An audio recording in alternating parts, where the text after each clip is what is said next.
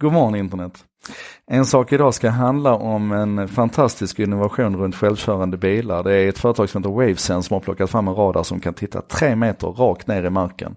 Och det, är, det är helt magiskt och jag ska berätta varför det är så smart. Men först ska jag be om ursäkt för att det inte blev någon en sak idag, igår i måndags morse. Jag är fruktansvärt förkyld, hade ingen röst alls. Så jag tänkte, ja, ni, ni får hålla er till idag, tisdag. Eh, och sen så ska jag säga att runt den här innovationen så finns det också en diskussion som jag nästan tycker är mer intressant så jag kommer att fokusera på den. Men vi börjar med uppfinningen, innovationen. Det är alltså en radar då, som jag sa, som tittar tre meter rakt ner i marken. Den plockades fram, där man började klura ut det här 2009 2012 så sjösatte man det här för den amerikanska militären i Afghanistan. För där var det så att, ni vet vägarna blåste över fanns det överhuvudtaget några vägar så, så ja det var problematiskt. Och vad den här mojängen gör det är alltså att det är en, en radaranläggning som sitter under till på bilen och, och, läser av då hur det ser ut tre meter ner i marken, tio fot ner i marken. Och då kan man skapa en karta egentligen, det är nästan som ett fingeravtryck där nere. Vet, man brukar prata om stock och sten och, och vattendrag och, och, olika former av material och sådär. Och kör man då en, ett fordon över en sträckning först och samlar på sig det här datat så kan man sen återskapa den körsträckningen utan att så att säga behöva ha andra navigeringshjälpmedel. Eller så här, tänk dig att du kör en, en svensk landsväg en sommardag när det är vackert väder, det är tydliga vägmarkeringar, det är en, en, en kanske en människa som sitter med och hjälper till och assisterar, du har perfekt syn eh, och, och optiska förutsättningar, du har bra kontakt med GPSen där uppe och så vidare. Eh, och så samlar du på dig det här datat och bygger då en, en karta. Då kan du köra den vägen i komplett mörker sen. Du kan köra den vägen även när den är översnöad och du inte ser överhuvudtaget var vägen är. Helt enkelt genom att återskapa, hämta upp det från det här datat. Och det här är ju jättefräckt. Och det, det här, nu, nu håller man på och, och liksom krympa den här utrustningen så att den kan verkligen sitta enkelt under en bil. Den är bara tre tum tjock nu och så vidare. Och prislappen räknar man med kommer att ligga någonstans runt 100 dollar per styck bara när man börjar massfabrikera det här. Så att det här är ju liksom, det är, det är jättebra och det är här och nu och vi kan börja använda det. Och Problemet man löser då specifikt för självkörande bilar det är ju just det här att på vintern när du inte ser vägmarkeringarna, du ser inte vägrenen, vägen är översnöad eller en dag när det är väldigt dimmigt så att dina optiska sensorer har problem. Då behöver vi ett bättre navigeringshjälpmedel och då hade ju den här kartan varit alldeles utmärkt att ha. Bra så, och det här läser jag om i Bloomberg.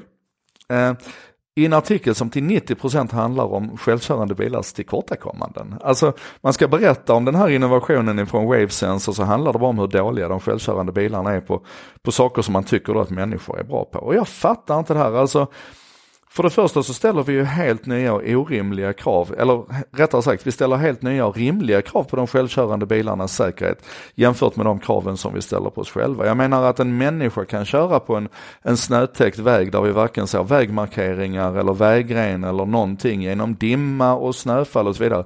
Det handlar ju bara om att vi har dåligt omdöme, det handlar ju inte om att vi är fantastiska bilförare. Och sen då det här med att man pratar om att de har problem när det är dimma och så vidare. Alltså en självkörande bil har optiska sensorer, de har radar, de har LiDAR, de har nu då den här markradaren tillgänglig möjligtvis, de har GPS-kontakt, de har massa sådana här tröghetsmoment, navigeringsutrustningar och så vidare. Alltså de har hur många sensorer som helst. Och dessutom en, en eh, superdator som hjälper till och erfarenheter från alla andra bilar och sådär. Vad vi har är vår egen lilla erfarenhet, vårt eget lilla huvud och två stycken ögon att titta med. Jag menar, rent teoretiskt så har människan ett synfält på 180 grader men i praktiken så har vi liksom den tydligaste synen det är runt det som heter, det heter fovea, det är 2,5 grads radie runt centrumpunkten.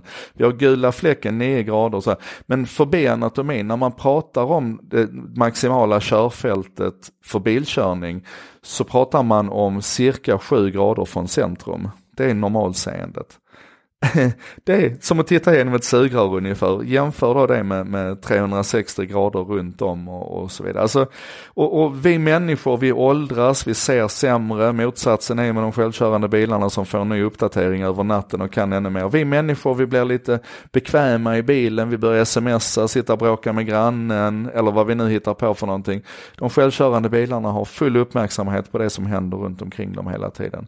Det är till och med så här att vi människor är ju så pass kass i bilen så att vi har aldrig behövt ta ställning till den sortens frågor som nu har aktualiserats genom till exempel Moral Machine. Alltså när, när den självkörande bilen helt, helt plötsligt kan, kan liksom fatta de här blixtsnabba besluten om hur den ska agera i en krissituation. Då tycker vi att det är ett problem att man ska avgöra om man ska köra över barnen eller åldringen eller om man ska köra i väggen och döda sig själv och så vidare. Alltså, det är helt okej okay att vi uppfinner nya problem och det är givetvis helt okej okay och rimligt att vi arbetar framåt på att bli bättre på att göra avvägningar, att vi höjer kraven på säkerheten, att vi maximerar vårt sätt att hantera dåliga eh, väderförhållanden och så vidare. Men det betyder ju inte någonsin att, att människan har varit bättre på att hantera det här utan det betyder bara att vi går in i ett nytt tidevarv här nu där vi kan, där vi kan ställa andra krav. Vi kan ha den här diskussionen och då måste vi väl ha den, tycker jag, utan höhöandet. Ett typexempel i den här Blomberg-artikeln, det är att man gör sig så jävla lustig över att den inte vill köra över fiskmåsar. Alltså om den tycker att det finns ett hinder i vägen som består av en fiskmås så saktar den ner och är det en elektrisk bil så kan de stå där hur länge som helst för det är ingenting som skrämmer iväg fiskmås. Ja men det är väl jätteomtänksamt av den här bilen. Och sen har man då utvecklat en funktion nu så att den sakta kryper framåt tills den nästan knuffar undan fiskmåsen och sen kan den köra igen. Och jag tycker det här är jättefint. Jag tycker inte alls att det här är någonting att skratta åt. Ja, ja. Det här får vi väl klura på, på alltså det här med vilka krav vi ställer och, och nya krav och gamla krav och vad vi egentligen mäter mot och sådär. För vi har, en, vi har en utmaning på många håll här. Det här var i alla fall en sak idag med mig, Joakim Jardenberg. Tack för att du hängde med i sju minuter. Hoppas du inte blir avskräckt. Vi ses imorgon igen. Hej!